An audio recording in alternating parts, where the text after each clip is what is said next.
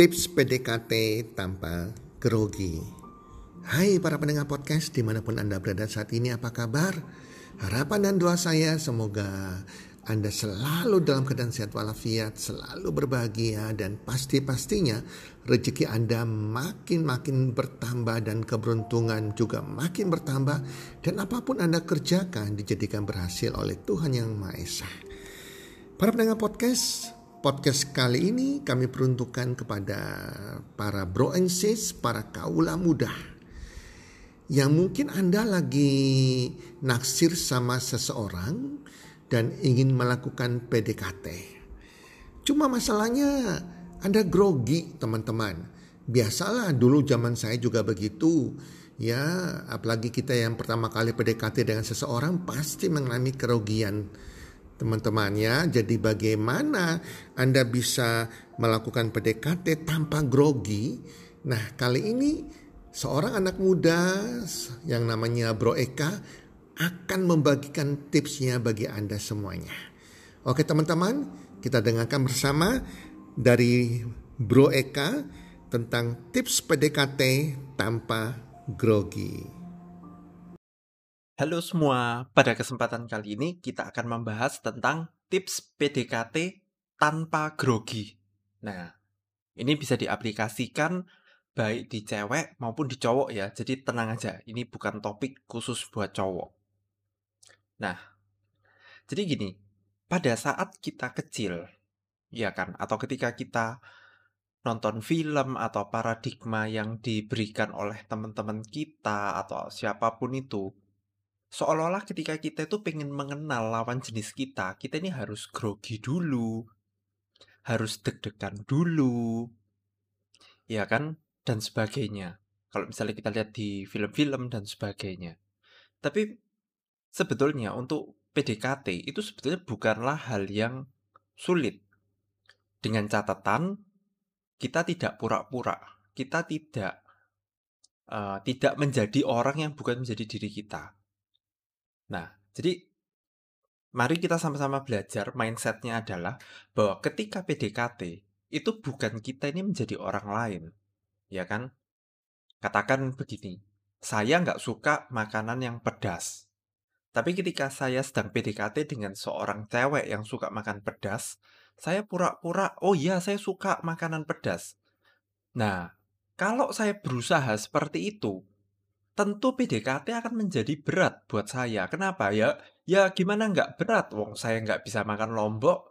Tiba-tiba karena PDKT sama si cewek ini, saya harus berusaha menahan perut saya mules karena karena pedes itu tadi. Nah, tentu hal itu bukanlah hal yang nyaman buat saya.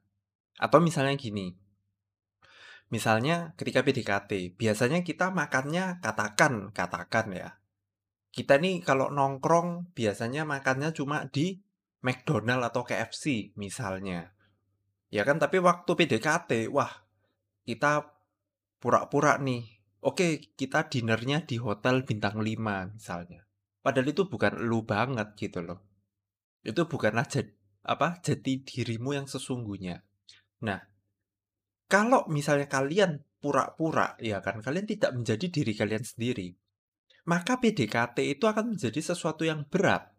Ya, kalau misalnya nggak berat dirasa seperti saya tadi, saya nggak bisa makan pedes, tapi harus terpaksa sekali harus mengikuti cewek saya yang suka makan pedes, atau yang kedua adalah dompet saya yang jadi dipaksa. Katakan uh, budget dating misalnya, kalau misalnya di McDonald atau KFC kan 100 sampai 150 ribu bisa lah tapi coba kalau misalnya di hotel bintang 5 atau buffet all you can eat makan sepuasnya misalnya. Tentu habisnya biayanya itu bisa jadi bukan 100 sampai 150 lagi, bisa jadi satu juta atau satu setengah juta. Padahal kamu nggak biasa makan di situ. Nah, jadi hal-hal mindset seperti ini adalah mindset yang kurang tepat di dalam PDKT. Gitu loh. Di mana kita ini berusaha, mungkin cowok ya, berusaha untuk impress cewek sedemikian rupa. Ya kan? Kita yang biasanya makan cuma di McDonald atau KFC, tiba-tiba karena kita mau PDKT maka kita harus hotel bintang 5 dan sebagainya. Itu bukanlah jadi diri kita. Dan menurut saya ketika kita ingin mengenal seseorang itu kita itu harusnya menunjukkan dunia kita, kehidupan kita kepada si cewek. Jadi kalau misalnya aku suka makan McDonald misalnya, tentu tidak ada salahnya ketika kita ngedit, ketika kita kencan, itu di McDonald. Karena pada akhirnya, ya kan, ya ini, ya memang lifestyle saya yang sukanya di McDonald, bukan hotel-hotel bintang 5. Gitu loh. Ketika saya melakukan, memaksakan diri ke hotel bintang 5 misalnya, tentu lama-kelamaan saya akan jadi capek. Saya akan jadi merasa PDKT itu susah, butuh modal. Ya kan? Dan apalah, intinya seribu satu alasan. Padahal kita ini harusnya untuk mengenal seseorang. Ya semudah. Ya mungkin 5-10 menit kita tinggal ajak ngobrol atau ngajak ke tempat yang kita suka. Itu nggak apa-apa. Tidak harus kayak, oh harus tampil mewah gitu, hotel, hotel bintang 5 dan sebagainya tentu tidak kayak gitu loh. Jadi ketika Anda PDKT, ya kan, sebetulnya Anda itu memperkenalkan dunianya kalian kepada calon pasangannya kalian itu. Jadi kalau cowok ya memperkenalkan ke cewek, ya ini dunia saya, ini teman-teman saya, ini lingkungan saya, ini hobi saya. Saya suka main game, saya suka main bulu tangkis misalnya. Ya kan? Saya suka makan, katakan masakan Indonesia dan masakan Chinese food. Ya ini yang kita tunjukkan, gitu loh. Kita melihat apakah pasangan calon pasangan kita ini bisa menerima kita atau tidak. Gitu loh. Karena kalau Anda berpura-pura, ya kan, Anda nggak nggak suka makan pedas tadi tapi Anda maksa. Lah itu sampai berapa lama Anda kuat? Itu pertanyaannya. Gitu. Nah, PDKT itu Kenapa kok banyak orang berpikir susah? Karena PDKT itu seolah-olah kayak cowok ini harus memaksa si cewek itu untuk tertarik pada kita, pada cowok. Padahal tujuan daripada PDKT itu bukan untuk kita tuh memaksa, oh ketika cewek ini mau ngedit sama kita, oke kamu harus tertarik sama saya, kamu harus tertarik sama saya. Itu tidak begitu. Kan tujuan dari awal pengenalan daripada PDKT itu adalah untuk membangun sesuatu yang fun, sesuatu yang ketertarikannya itu akan muncul secara natural. Kalau memang apa si ceweknya ya suka, ya kan dengan kehidupannya kita, dengan value kita, nilai-nilai kita, maka si cewek itu ya akan menerima gitu loh, akan menerima kita. Jadi Anda tidak perlu memaksakan, oh kalau saya ngedit, si cewek ini harus tertarik sama saya. Itu tidak perlu biarkan berjalan sebagaimana naturalnya. Kalau misalnya setelah ngedit ternyata si cewek, oh merasa, oke okay, kayaknya kita ini cuma temen aja. Ya sudah, ndak apa-apa. Karena kalau misalnya kita nggak maju-maju, kita diem aja, kita overthinking terus, mikir yang nggak-nggak terus, ya nggak akan maju-maju teman-teman. Gitu. Nah, berikutnya adalah Kenapa kok orang-orang berpikir kalau PDKT itu sulit? Karena mereka itu selalu berusaha untuk membuat si cewek atau si cowoknya ini merasa spesial, menjadi spesial.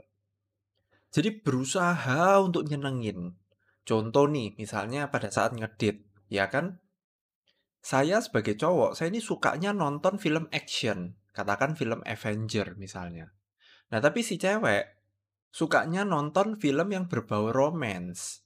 Misalnya film apa gitu ya, pokoknya yang berbau cinta lah. Tapi saya ini sukanya yang action. Berapa banyak cowok-cowok itu yang akhirnya ya wis lah aku tak nonton film romance saja nggak apa-apa demi si cewek. Nah, seperti ini adalah tindakan di mana kamu itu membuat dia itu merasa spesial. Nah, ketika kamu memperlakukan dia spesial, kamu nggak nggak kelihatan sebagai cowok itu kayak oh kamu itu bisa memimpin. Kamu itu seolah-olah kayak menyerahkan kepemimpinanmu di bawah si cewek. Misalnya nih kamu mau ngajak si cewek makan, ya kamu yang tentuin tempatnya. Kamu yang ngasih opsi ke cewek. Eh, hari ini kita mau makan di mana misalnya. Ak- Aku kasih kamu tiga opsi. Kamu mau ke McDonald, KFC atau Burger King, misalnya seperti itu. Gitu loh. Tapi jangan ketika ditanya, ya kan? Ya terserah kamu deh, kamu maunya apa gitu. Aku ngikut kayak gitu. Karena di mata cewek ya, cewek ini mencari seseorang cowok yang bisa memimpin dia, bukan yang yes man, yang nonton ini ya ya, makan ini ya ya, kayak kayak seolah-olah bukan cowok yang ngatur tapi cewek yang ngatur. Nah, ini yang kebanyakan cowok ini kayak apa ya? Terjebak di area-area yang seperti itu. Gitu loh. Jadi please, apa pun yang kalian lakukan pada saat kalian PDKT, jangan memaksa si cewek untuk tertarik dengan Anda. Jangan memaksa dia itu untuk baru ngedit dua kali, lima kali, atau berapa kali langsung minta status lah.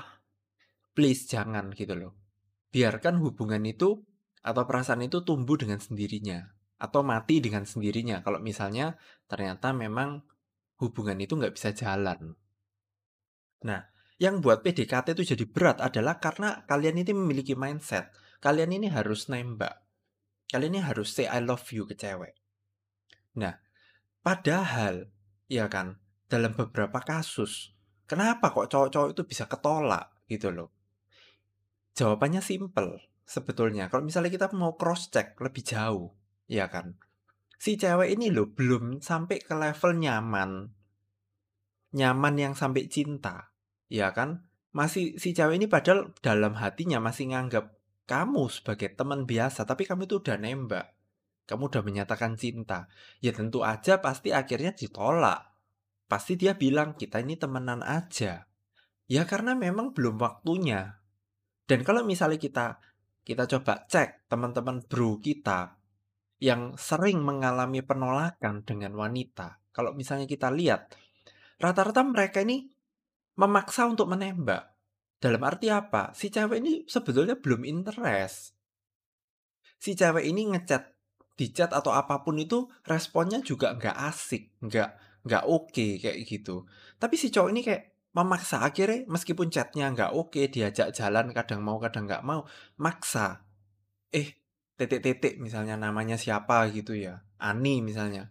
Ternyata selama ini aku tuh ada nyimpen perasaan sama kamu. Kamu mau nggak jadi pacar aku? Ya jelas jawabannya nggak mau. Wong dari chatting aja, dari kalian pergi ngobrol aja, kenyamanan belum terbangun. Lah udah ditembak. Ya tentu nggak mau kayak gitu teman-teman. Jadi please mindsetnya kita ini jangan PDKT itu untuk gerusa-gerusu, cepet-cepet interaksi itu jangan gitu loh. Karena perasaan itu kan nggak bisa ditarget kayak kayak apa ya kayak pekerjaan mungkin atau kayak kita ngerjain tugas atau apa yang di mana oh kalau aku di depan komputer aku ngetik-ngetik ini pasti 2-3 hari selesai tapi perasaan itu tidak seperti itu. Perasaan itu nggak bisa diukur dengan istilahnya kayak sesuatu yang pasti. Bisa jadi cewek satu kali ketemu langsung jatuh cinta bisa. Ada juga yang butuh 90 hari baru jatuh cinta. Ada juga yang butuh 150 hari baru jatuh cinta teman-teman. Nah, jadi pada prinsipnya mindset yang harus kalian miliki adalah pada saat kalian PDKT, itu kalian hanya PDKT dengan orang yang juga mau PDKT sama kalian. Jadi kalian tidak perlu memaksakan atau bingung dengan orang-orang, ya kan, dengan cewek-cewek mungkin ya kalau buat para cowok. Yang setiap kali diajak ngedit selalu ada seribu satu alasan, ya kan? lagi ada makan sama orang tua kayak ya kan? Mau ngerjain tugas kayak fokus karir kayak guys cewek itu pinter banget kalau suruh buat alasan guys. Bersihin kamar kayak ngerapiin buku lah lihat rekaman seminar lah. Kalau dia ndak mau seribu satu alasan ya dicari. Tapi kalau dia memang mau sama kamu Meskipun hari itu dia sibuk mungkin, saya yakin dia pasti akan ngeluangin waktu buat kamu. Mungkin gak di hari itu. Mungkin dia akan bilang, sorry, kok kalau misalnya Sabtu malam aku nggak bisa. Tapi gimana kalau misalnya Minggu malam, aku lebih kosong. Cewek pasti juga akan ngerespon. Tapi kalau tiap kali lu tanya, dia alasan terus, seribu satu alasan, itu artinya dia itu mungkin kurang interest sama kamu. Dan dia itu nggak mau untuk kenal kamu itu lebih dalam. Tapi kita kan ingat, cewek itu jaga image banget. Dia itu berusaha untuk tampil being nice. Jadi tentu menolaknya nggak nggak akan terang-terangan. Mungkin ada beberapa cewek yang ngomongnya itu terang-terangan, tapi secara umum cewek itu ngomongnya itu nggak terang-terangan. Jadi yang pertama adalah kalian harus PDKT dengan orang yang sama-sama memang mau. Kalau yang nggak mau ya sudah nggak usah gitu loh. Kedua, ketika kita PDKT, kita ini sebenarnya kan sedang menawari sesuatu yang positif. Tujuan kita dari PDKT itu baik. Tujuannya adalah untuk membangun hubungan. Yang di mana kalau hubungan itu memang memang berjalan dengan baik, bisa ke jenjang sampai ke pernikahan. Ya kan? Ya kita menawarkan hal yang positif gitu loh. Memperkenalkan siapa diri kita. Gitu loh. Dan yang ketiga, kalian jangan pusing dengan cewek-cewek yang dingin sama kalian. Kenapa? Karena kalau misalnya cewek itu memang dingin, mungkin bisa jadi dari awal memang memang nggak mau atau nggak interest sama kalian. Jadi makanya itu alasannya kenapa kok pada podcast-podcast yang sebelumnya saya tuh selalu mengencourage teman-teman untuk memiliki teman yang banyak. Kenapa? Supaya teman-teman ini tidak hanya terpaku pada satu orang aja. Karena kalau teman-teman terpaku dengan satu orang, maka ketika ada apa-apa dengan orang itu, teman-teman mulai kepikiran, kepikiran, lu dia kok nggak balas chatku, dia kok nolain aja ajaanku. Akhirnya kalian itu kayak mengganggu atau ngeributi satu orang ini terus gitu loh. Padahal si orang ini juga belum tentu nyaman gitu loh. Nyaman kalian ganggu seperti itu.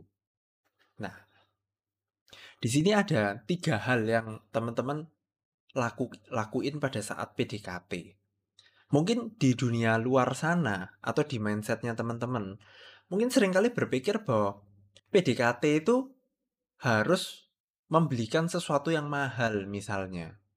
Harus makan-makan mewah misalnya. Nah, kalau teman-teman nggak punya uang atau apa, ya nggak bisa PDKT. Nah, ini adalah persepsi-persepsi yang sebetulnya kurang tepat. Karena apa? Karena pada saat kita PDKT, mau ingin mengenal seseorang, yang harus kita lakukan itu adalah tiga hal. Pertama, itu adalah kita itu menawarkan. Kedua, kita menerawang. Dan ketiga itu melatih. Nah, maksudnya menawarkan itu apa? Jadi pada saat saya mau kenal seseorang, ya kan, saya ini menawarkan dia untuk saya ini memperkenalkan diri saya. Saya ini memperkenalkan lingkungan saya. Saya ini memperkenalkan apa yang saya sukai. Ini loh cita-cita saya, ini loh visi saya. Ini loh teman-teman saya. Ini loh makanan yang saya suka. Ini loh aktivitas yang saya suka. Ini loh hobi-hobi yang saya suka. Ini loh keluarga saya itu seperti ini, budayanya seperti ini. Pada tahap ini tuh kita tuh menawarkan gitu loh. Yang menjadi diriku, kalau saya sukanya McDonald dan Chinese food, ya ini yang saya tawarkan. Eh, aku tuh suka loh makan di restoran ini. Ayo kita makan sama-sama di sini. Kalau memang kita nggak jarang atau mungkin nggak pernah makan, bukan nggak pernah ya, mungkin kita ini kalau untuk keluar-keluar, hangout atau apa, kita ini jarang katakan makan di hotel bintang 5 ya jangan waktu ngedit biasanya McD, McD, McD, tiba-tiba langsung hotel bintang 5 tentu jangan. Itu berarti bukan menjadi dirimu yang sesungguhnya. Itu yang akan membuat kamu capek. Dan kedua, ketika pasangan kamu yang mungkin belum terlalu kenal kamu melihat itu, malah menjadi over ekspektasi. Oh, ternyata aku sama cowok ini selalu diajak makannya di hotel bintang 5. Padahal lu itu cuma berusaha ngos-ngosan untuk impress berusaha untuk impress si cewek gitu loh padahal tujuan dari pada pengenalan ini kita yang menawarkan siapa diri kita yang original bukan yang yang diimprove improve atau yang over-over seperti itu gitu loh. Kenapa ya? Karena untuk menghindari kekecewaan juga. Gitu. Nah, kedua adalah menerawang. Nah, menerawang itu apa sih? Nah, jadi gini, kalau misalnya kita melihat ya, DE misalnya pada saat kita katakan ya, Anda kenalannya itu via chatting misalnya sebelum tatap muka. Wih, ketika chatting gitu ya, obrolannya kok menyenangkan sekali, positif sekali. Kesannya itu kok welcome, mau, asik banget kalau misalnya chatting atau cerita sama anak ini. Nah, tapi kita ini harus melihat ketika sudah ketemuan, ya kan? Anak ini gimana? Dia dingin apa enggak? Jaim apa enggak? Gitu loh. Dia ini orangnya on time apa enggak? Banyak alasan apa enggak? Iya kan? Karena kita ini kan kayak di episode saya yang sebelumnya, saya pernah cerita bahwa kita ini menjalin hubungan itu dengan manusia asli, bukan virtual. Lah sedangkan kalau misalnya kayak chatting, telepon-teleponan itu menurut ya oke lah chatting lah. Chatting itu bagi aku itu kayak itu kayak virtual gitu loh. Nggak ada artinya kalau kamu itu asik di chatting tapi waktu ketemu itu kurang asik. Kayak gitu loh teman-teman. Nah, jadi pada saat teman-teman menerawang ya, pada saat teman-teman melihat, ya kan? Teman-teman harus lihat pada saat kalian ketemu nih, ya kan? Impresi pertamanya itu kayak gimana sih? Apakah si cewek atau si cowok ini itu cocok dengan pribadi kalian atau tidak? Chemistry-nya itu ada apa enggak? Gitu loh.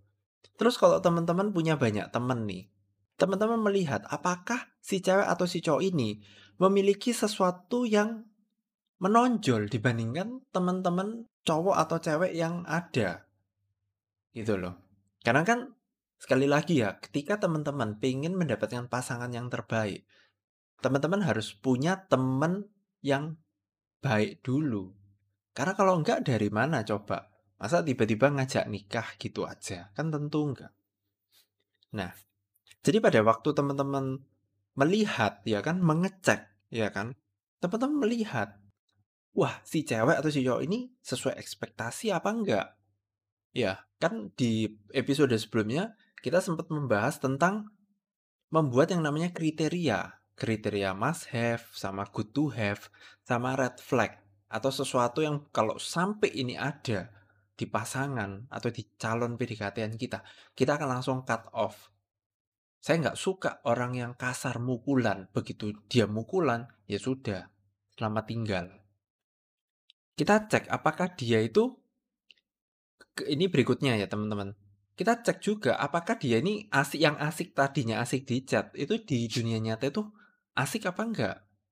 Apa selama ini ternyata yang balas si chatnya itu hanya kakaknya atau adiknya makanya kelihatannya asik, tapi ketika anaknya sendiri nggak asik, nah itu kan harus teman-teman cek dulu ya. Nah terus kemudian pada saat ketemu, kita kan pasti saling cerita nih. Cowok nih ambil langkah inisiatif untuk cerita duluan. Nah, kita lihat ceweknya ini ngerespon apa enggak. Dia itu interest enggak dengan cerita kita atau enggak. Dia itu ada nanya-nanya balik apa enggak. Karena kalau misalnya logikanya nih, kalau misalnya si cewek juga interest sama kita, para cowok, tentu dia juga pengen tahu dong tentang kita. Masuk kita cuma cerita tentang kita aja, tapi dia nggak nanyain apa pun, padahal kita ini udah nanyain banyak hal ke cewek kan ya aneh juga kayak gitu. Nah, berikutnya ya kan yang kita tawarkan dalam PDKT adalah melatih. Nah, melatih ini maksudnya apa? Melatih ini kita bisa coba untuk request permintaan-permintaan kecil ke cowok atau cewek itu. Ya, ke PDKT kita lah, gebetan. Nah, permintaannya ini bukan permin suatu permintaan yang gimana-gimana ya. Jadi ini aku kasih contoh nih. Misalnya kita cowok nih, kita lihat wah si cewek ini kok apa? Kayaknya kurang fit ya badannya gitu. Terus kita ngomong, "Eh, kayaknya lu nih kok kurang fit ya. Coba deh kamu minum vitamin C merek ini misalnya. Ini aku ya minum nih dan aku merasa mari minum ini tuh badanku itu lebih enak. Nah, itu kita lihat apakah si cewek ini atau si cowok ini dia ngikutin apa enggak atau dia oh enggak atau enggak malah enggak didengerin malah gitu. Atau misalnya gini, eh tolong dong bangunin gua besok pagi jadi morning call jam jam 6 atau jam 7 gitu misalnya. Kita bisa lihat eh, kira-kira si cewek atau si cowok ini mau nggak lakuin itu atau malah bilang lu kan ada alarm pakai aja alarm gitu. Nah, berikutnya adalah kalian harus memberikan apresiasi. Apresiasi ini apa? Jadi kita ini bisa muji, eh outfit kamu itu hari ini bagus loh, aku suka. Nah, misalnya kayak gitu. Nah, jadi ketika kita melihat PDKT, ya kan, atau proses PDKT, itu tuh bisa diibaratkan sebagai kayak kita ini mau dansa, teman-teman. Ketika kamu tuh mau dansa, maka diperlukan baik si cowok ataupun si cewek untuk sama-sama bergerak, sama-sama saling melengkapi, sama-sama saling merespon. Karena teman-teman coba bayangin lah, kalau teman-teman mau dansa tapi dianya diem aja, nggak mau gerak, ya itu kan nggak asik, nggak fun gitu loh. Sedangkan kita dalam PDKT, dalam mengenal, kita kan ingin mencari orang yang fun, yang asik, yang klop buat kita gitu loh. Bukan hanya sekedar kayak target, oh aku pengen punya pacar kan ya nggak juga. Karena kan kalau misalnya kita terburu-buru dalam memilih dan ternyata yang kita pilih ternyata nggak tepat, maka itu akan menjadi kehidupan yang mungkin akan menderita seumur hidup teman-teman kalau sudah menikah. Maka dari itu ada baiknya kita ini untuk dengan bijak dan tidak terburu-buru dalam menentukan pilihan. Memiliki pergaulan yang banyak, ya kan? Terus jangan lupa PDKT itu bukanlah hal yang mengubah dirimu yang bukan seperti aslinya. Justru pada saat PDKT adalah saat di mana kamu menunjukkan ya inilah diriku, inilah kesukaanku. Bukan untuk menjadi orang lain yang bukan menjadi dirimu. Seperti itu ya teman-teman. Nah, jadi saya harap melalui sharing podcast pada hari ini itu bisa menjadi inspirasi buat teman-teman. Oke, sekian dan terima kasih.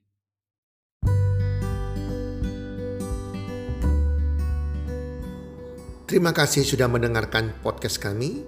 Teman, jika Anda rasa bermanfaat podcast kami ini, Anda bisa menginfokan kepada rekan kerja Anda, keluarga Anda, teman ataupun sahabat Anda. Dan jika ada hal-hal yang Anda ingin tanyakan kepada kami ataupun topik-topik apa yang Anda ingin kami bawakan, kami sampaikan, Anda bisa DM kami di Instagram kami health community www.mantutri.id.